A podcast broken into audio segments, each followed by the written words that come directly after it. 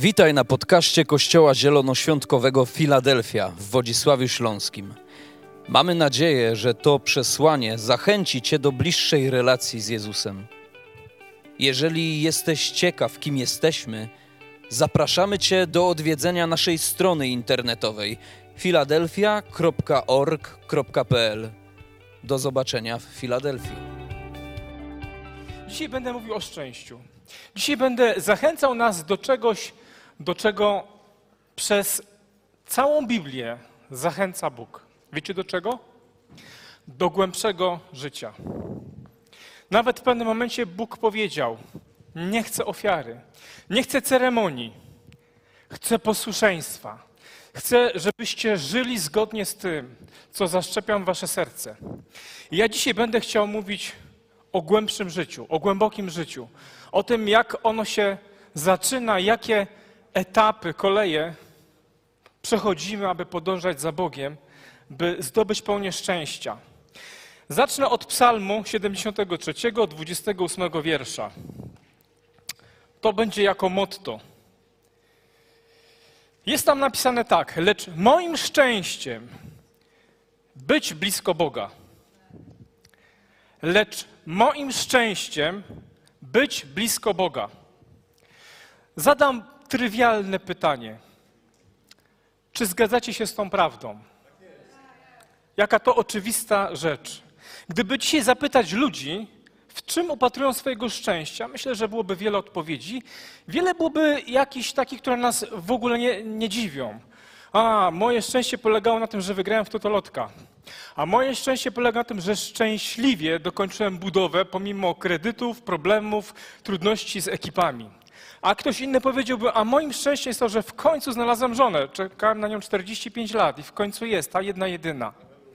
Nikogo nie dziwi, że gdybyśmy zapytali nominalnego chrześcijanina, a jakie jest Twoje szczęście? Czym jest Twoje szczęście? W czym je upatrujesz? To nie byłoby dziwne, gdyby chrześcijanin powiedział, moim szczęściem jest być blisko Boga. Hola, hola. Czy aby na pewno jesteś blisko Boga?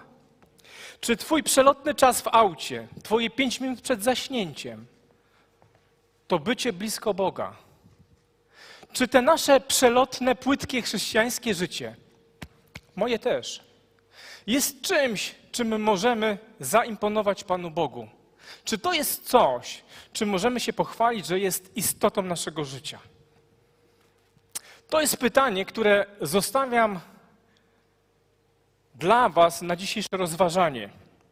Wiecie, jaka jest moja modlitwa, żeby każdy z nas, kładąc się każdego wieczora, mógł powiedzieć tak: Panie, moim szczęściem, moim błogosławieństwem było dzisiaj być blisko Ciebie. Będziemy przypatrywać się pewnej postaci biblijnej, na podstawie której zagłębimy się troszkę w, w, kilka takich myśli dotyczących głębokiego życia i pojmowania z Bożej perspektywy tego, czym naprawdę jest szczęście. Ta historia jest opisana w Księdze Rodzaju, w pierwszej Księdze Mojżeszowej, w Księdze Genezis, 32 rozdział, wersety 24 do 29 przeczytamy ten akurat fragment, dobrze? Tak więc Jakub pozostał sam. Może nawet troszeczkę wcześniej, to sobie otworzę z Biblii papierowej, która jest nieodzowna, bo to, co człowiek sobie nie zapisze w komputerze, zawsze może przeczytać z Biblii papierowej. I czytamy tak. Od 22 wersetu. Ale wstawszy jeszcze tej nocy, wziął obie żony swoje, obie służące swoje i jedenastu synów swoich i przebył brud Jaboku. A wziąwszy je, przeprawił je przez rzekę, następnie przeprawił też to, co miał. Jakub zaś pozostał sam i mocował się z nim pewien mąż aż do wzejścia zorzy. A gdy widział, że go nie przemoże, uderzył go w staw biodrowy i zwichnął staw biodrowy Jakuba, gdy się z nim mocował. I rzekł, puść mnie, bo już wzeszła zorza. Ale on odpowiedział, nie puszczę cię, dopóki mi nie pobłogosławisz. Wtedy rzekł do niego, jakie jest imię twoje? Odpowiedział Jakub. Wtedy rzekł, nie będziesz już nazywał się Jakub, lecz Izrael, bo walczyłeś z Bogiem i z ludźmi i zwyciężyłeś. A Jakub zapytał, proszę powiedz mi, jakie jest twoje imię? Na to odpowiedział, dlaczego pytasz o imię moje? I tam mu błogosławił. Powiem wam tak, bardzo, bardzo dziwna historia. Bardzo dziwna. Patrząc na kontekst wydarzeń, zupełnie jakby wtrącona ni z gruszki, ni z pietruszki, jakbyśmy to kolokwialnie powiedzieli. Takich historii w Biblii znajduję kilka, kilkanaście. Nie pasują do całokształtu, ale uczą. Ta historia mówi mi o tym, w jaki sposób człowiek, który od pierwszego dnia urodzin dążył wytrwale do tego, żeby być szczęśliwym, w jaki sposób stał się szczęśliwym człowiekiem. Tak krótko w trzech zdaniach, żebyście, żeby przybliżyć wam, wam e, okoliczności tej, tej historii. Jakub jest jednym z dwojga synów Izaaka. Urodził się jako drugi, ale kiedy wychodził z łona matki, trzymał zapięte swojego brata i ta chęć walki, ta chęć bycia pierwszym pozostała w jego żyłach przez całe jego życie. Swoje życie chrześcijańskie zbudował na oszustwie, kłamstwie, niedopowiedzeniu. Był naciągaczem, był cwaniakiem. Dzisiaj byśmy tak go określili, cwaniak, cwana, cwana bestia. Człowiek, który poradzi sobie w każdych okolicznościach. Myślę, że gdybyśmy mogli go przyrównać do jakichś europejskich narodowości, byłby świetnym Polakiem. Super kombinator, znający się na wielu rzeczach. Cwaniak do kwadratu. To nie to, że mam coś do Polaków, ale jak popatrzycie na, na nasz naród, to, to, zawsze byliśmy skłonni do, do takich socjotechnik w naszym życiu, co też czasami pomagało nam iść do przodu w trudnych chwilach. I ten człowiek, oszukując, doświadczał czegoś, co Biblia mówi, co siejesz, to zbierasz. Też był oszukiwany i, i mając już dość oszustwa, któremu został wystawiony przez swojego teścia, który go kilkukrotnie wystawił w pole, stwierdził, że musi wrócić do swojego domu. Ale było jedno ale. Był brat, który był rozgoryczony tym, jak został potraktowany, jak został oszukany i w jaki sposób zostało mu skradzione największe błogosławieństwo ziemi błogosławieństwo pierworództwa. I Jakub wiedział, że musi się z tym problemem zmierzyć. Uciekał przed tym problemem całe życie, ale przy takim moment, gdzie podjął decyzję, że musi coś z tym zrobić. I oto jesteśmy w chwili, kiedy przygotowuje się na spotkanie z bratem. Kochani, pierwsza myśl, którą chcę Wam powiedzieć, to to, że Bóg przychodzi do naszego życia niespodziewanie. Przychodzi w chwilach, w których się Go nie spodziewamy. Ale jedna rzecz jest znamienna. To są chwile, w których jesteś sam. Może dzisiaj jest taki czas, taki moment, w którym jesteś sam. Sam ze swoim problemem, sam ze swoim grzechem, sam ze swoim złym nawykiem, sam ze sobą, ze swoją bezradnością i bezsiłą. Może jest coś, co cię przerasta i czujesz się w tym samotnie. Chcę ci powiedzieć na pociechę, to dobrze. To znak, że lada moment może stać się coś w twoim życiu niezwykłego. Jakub czeka na spotkanie z bratem, ale spotyka się z kimś zgoła innym. Żeby spotkać się z bratem, żeby dalej móc żyć i funkcjonować, musi spotkać się z Bogiem.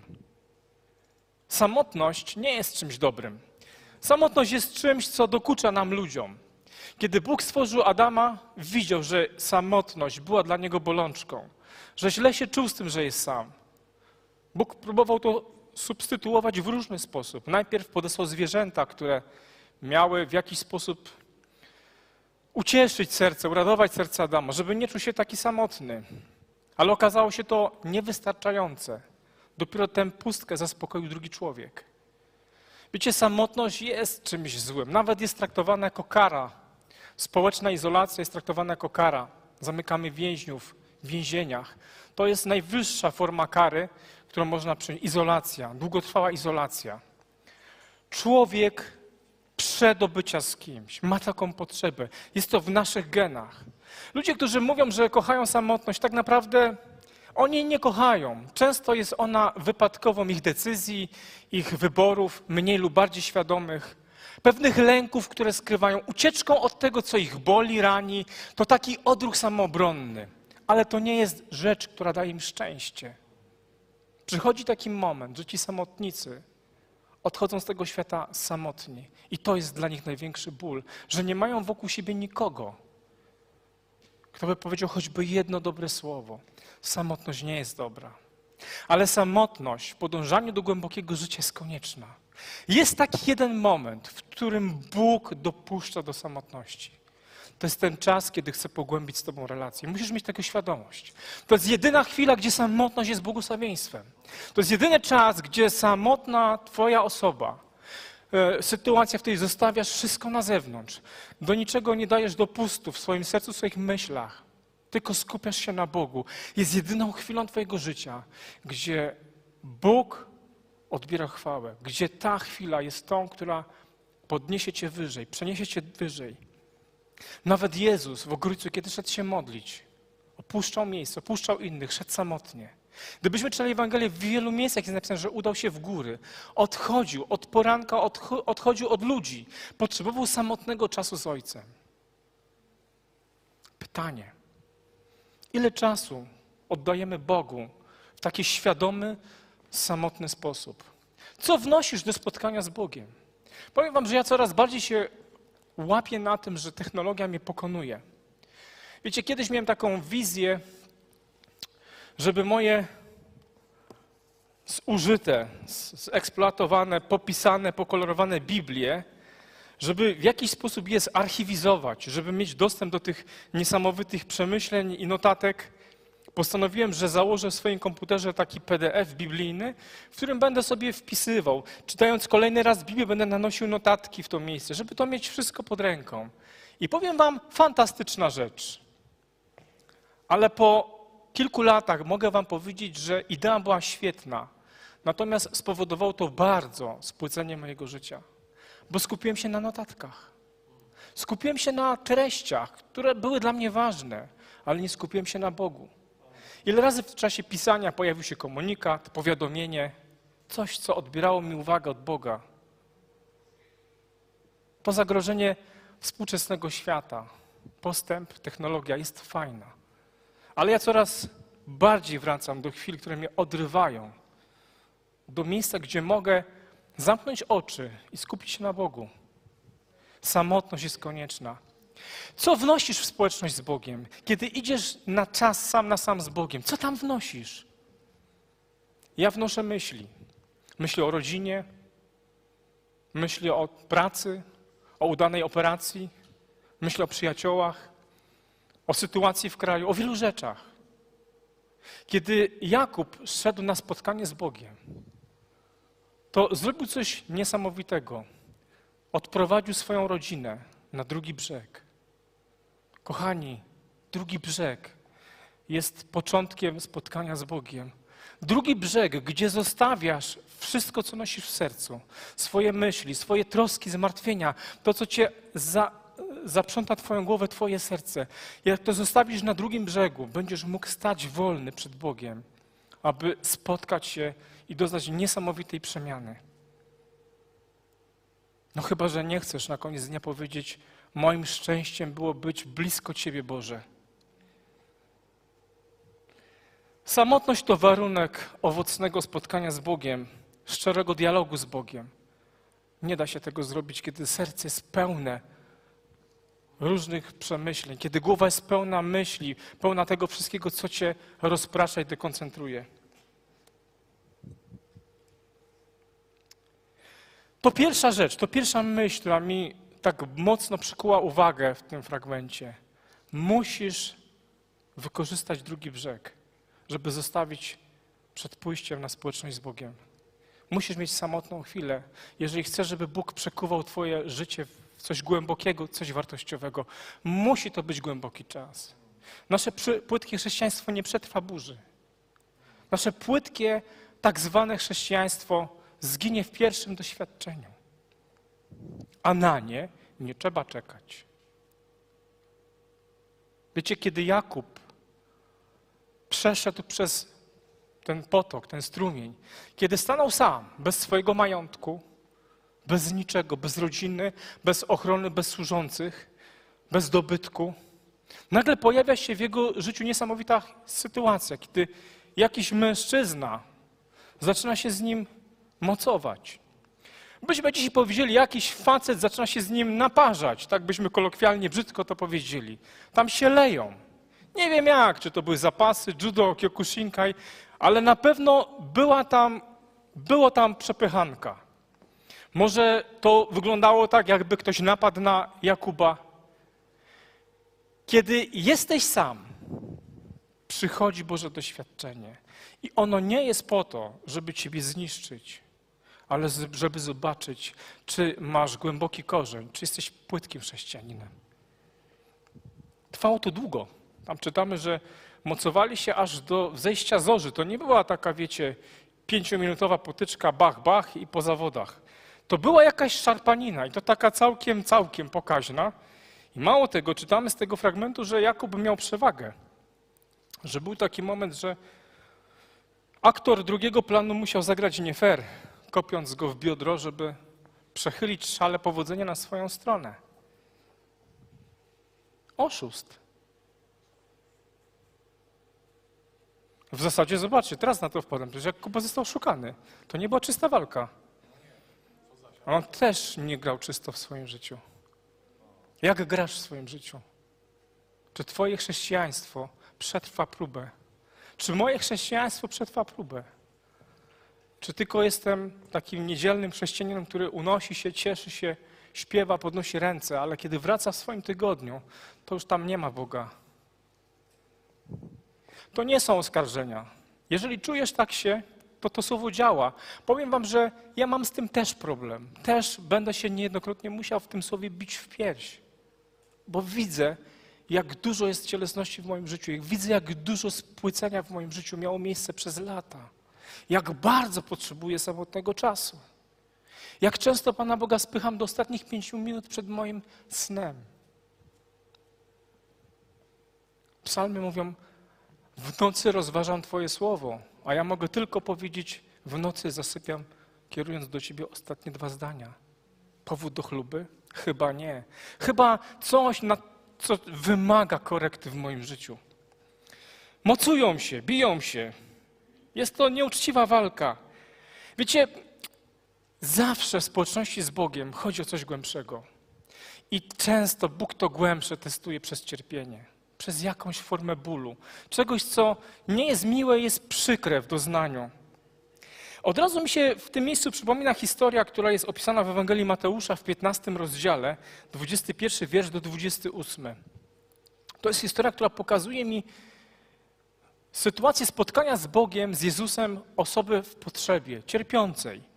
Była to kobieta z Kananu i czytamy takie słowa. Jezus wyszedł stamtąd i udał się w stronę Tyru i Sydonu. Wówczas pewna Kananejka przyszła z tamtych okolic i zaczęła go głośno prosić: Panie, synu Dawida, zmiłuj się nade mną, mam córkę. Demon straszliwie ją dręczy. Widzicie rozdarte serce kobiety? Usłyszała, że po ziemiach Izraela chodzi człowiek, który robi cuda, dla którego nie jest problemem to, że kiedy nawet cień pada na chorych, to oni ozdrawiają. Kobieta, która nie widziała perspektyw w życiu, nie widziała nadziei w życiu, poza tą jedną. Pójdę do Jezusa, pójdę do tego cudotwórcy, powiem mu o swoim problemie. To nie jest jakaś wysypka, to nie jest jakaś gorączka, to jest dziecko.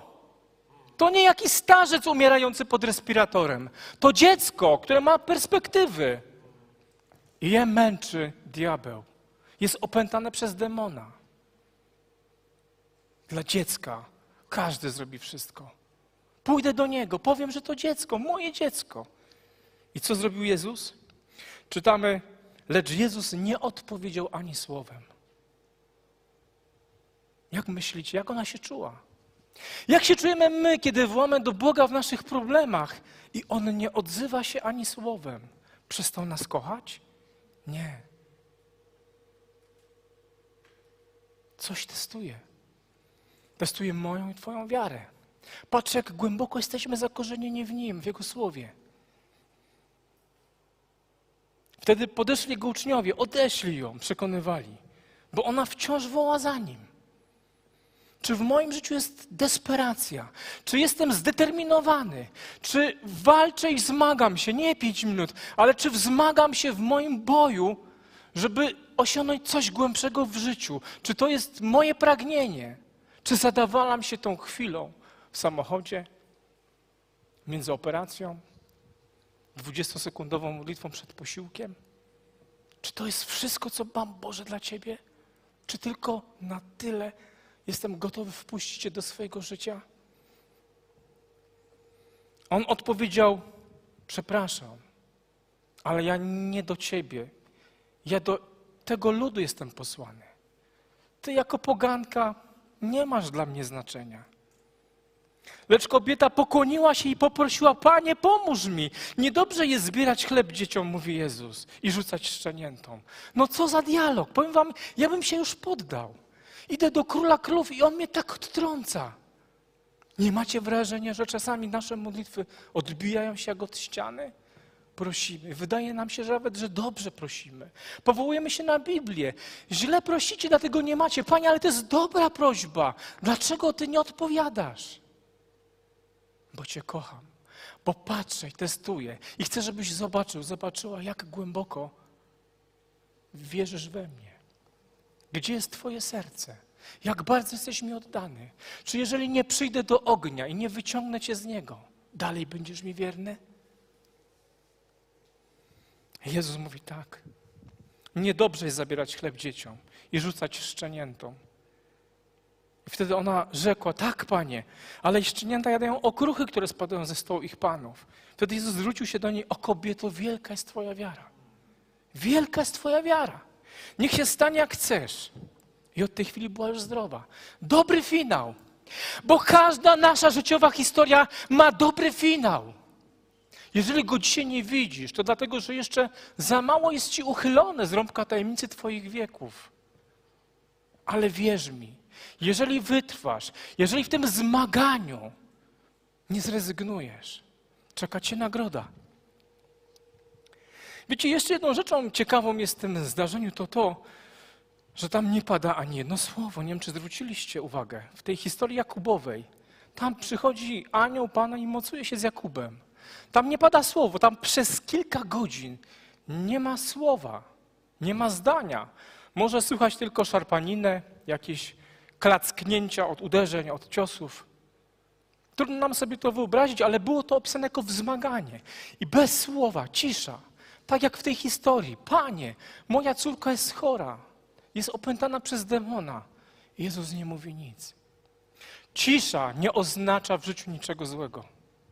Cisza jest potrzebna mnie i Tobie, żebyśmy spojrzeli w głąb siebie Cierpienie, które przeżywasz, czy ono jest fizyczne, czy ono jest duchowe, czy ono jest duszewne, jakiekolwiek, jest dane ci po to, abyś zobaczył swoją sobą stronę. Bóg zagrał tutaj nieuczciwie, byśmy powiedzieli z naszej perspektywy z Jakubem, kopiąc go w biodro. Ale on tak siał. Siał zło i zebrał zło. Chcę ci powiedzieć, że siejemy grzech, ale Bóg sieje w mojej i twojej życie miłość. I ona zawsze przyjdzie. Bo finał historii Jakuba jest również błogosławiony. Kiedy już po tym zmaganiu nadeszła chwila, kiedy anioł mówi: Puść mnie, bo już wschodzi zorza, to tak naprawdę Bóg pyta się mnie i ciebie, czy ci na mnie zależy. Wyobrażacie sobie, oni się siłowo przewracali, no nie wiem, bili. Trudno mi powiedzieć, bo to jest tak opisane bardzo niejednoznacznie, ale jakaś tam szarpanina była przez godziny i nagle znużony anioł mówi, puść mnie. Wiecie, że przychodzi taki czas w naszej relacji z Bogiem, kiedy Bóg mówi, puść mnie. Wiecie, istnieje w chrześcijaństwie pewien paradoks. W ogóle chrześcijaństwo jest pełne paradoksów. Są reguły, są zasady. Co siejesz, to zbierasz. Siejesz pojedynczo, zbierasz w dziesięcionasób. To są zasady koronne i Bóg przez historię z nich nigdy nie zrezygnował. To jest święta zasada. Co sieję, to zbieram. Ale są też paradoksy. I takim paradoksem, z którym się dzisiaj z wami podzielę, jest paradoks spotkania z Bogiem. Nie wiem, czy wiecie, ale Bóg jest pierwszy, chętny do spotkania się z człowiekiem. To nie my szukamy Boga, to On nas szuka. Wiecie o tym?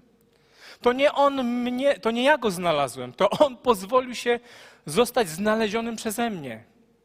To był przywilej i łaska, że mogłem go znaleźć, ale On się pozwolił. Ale jest jeszcze jedna rzecz. Jak chętnie Bóg chce nawiązać relację z człowiekiem, tak prędko On z tej relacji się wycofuje. Wiedzieliście o tym? To jest niesamowita rzecz. Chcecie przykład? Pokażę wam z Nowego Testamentu. Jest opisana historia w Ewangelii Łukasza, kiedy było po zmartwychwstaniu. Czytamy takie słowa. To jest 24 rozdział od 13 werseta. Ja to tak tylko wybiórczo potraktuję. Kiedy uczniowie szli w drodze do Emaus, jest napisane w 15 wersecie tak. A gdy tak rozmawiali i nawzajem się pytali, mówili o wydarzeniach, które się wydarzyły, czyli o śmierci Jezusa, sam Jezus przybliżywszy się szedł z nimi. Zauważycie? Jak w życiu. Jezus przybliża się do każdego z nas. Jeżeli jesteś osobą, która nie pojednała się z Bogiem, dla której Bóg jeszcze nie jest kimś szczególnym w życiu, to chcę Ci powiedzieć, że to On zrobi pierwszy krok. Bo Bóg zawsze robi pierwszy krok. On do Niego należy. I kiedy Jezus, kiedy oni tak szli zajęci sobą, to Jezus tak dyskretnie, z umiarem zaczyna wkraczać w ich relacje. Przybliżywszy się, szedł z nimi. Lecz czytamy, oczy ich były zasłonięte, tak go, że nie mogli go poznać. I rzekł, cóż to za rozmowy? Bóg spotyka się z człowiekiem i to jest jego inicjatywa, nie nasza. I kiedy czytamy historię do końca, jest 28, 29 werset, kiedy przybliżyli się do miasteczka, z którego zdążali, a on okazywał, jakby miał iść dalej. Wiecie, Bóg w życiu będzie często stosował ten trik. Będzie próbował z tej relacji się wycofać. I będzie czekał, czy będziesz gotowy go zatrzymać. Czy dzisiaj jesteśmy chrześcijanami gotowymi zatrzymać Jezusa? Czy może odszedł już kilka, kilkanaście lat temu i nawet o tym nie wiemy? Oni przymusili go, żeby został. Jakub, nie puszczę cię, dopóki mi nie pobłogosławisz. Zostań z nami, bo ma się ku wieczorowi. Nie puszczę cię, dopóki mi nie pobłogosławisz. To dwie modlitwy, które pokazują wielką determinację serca. Twoja samotność jest początkiem, jest preludium do spotkania z Bogiem. To, że Bóg dotyka Twoich słabych miejsc i pokazuje Ci tak naprawdę, jaki jesteś, czy jesteś płytkim chrześcijaninem, czy jesteś głęboko zakorzeniony w Jego słowie, to kolejny etap. Ale przychodzi moment, gdzie Bóg chce i oczekuje, żebyś pożądał Go ponad wszystko. Żeby relacja z Nim była czymś wybitnym, czymś wyjątkowym. Relacja codzienna. Ja nie mówię o tej sprzed 20 lat. Ja nie mówię o tej sprzed 15. Ja nie mówię o tym jedynym wydarzeniu napełnienia Duchem Świętym, którego, które przeżyłeś i powtarzasz go jak mantrę przy każdej nadarzającej się okazji. O życiu codziennym mówimy. O relacji każdego dnia.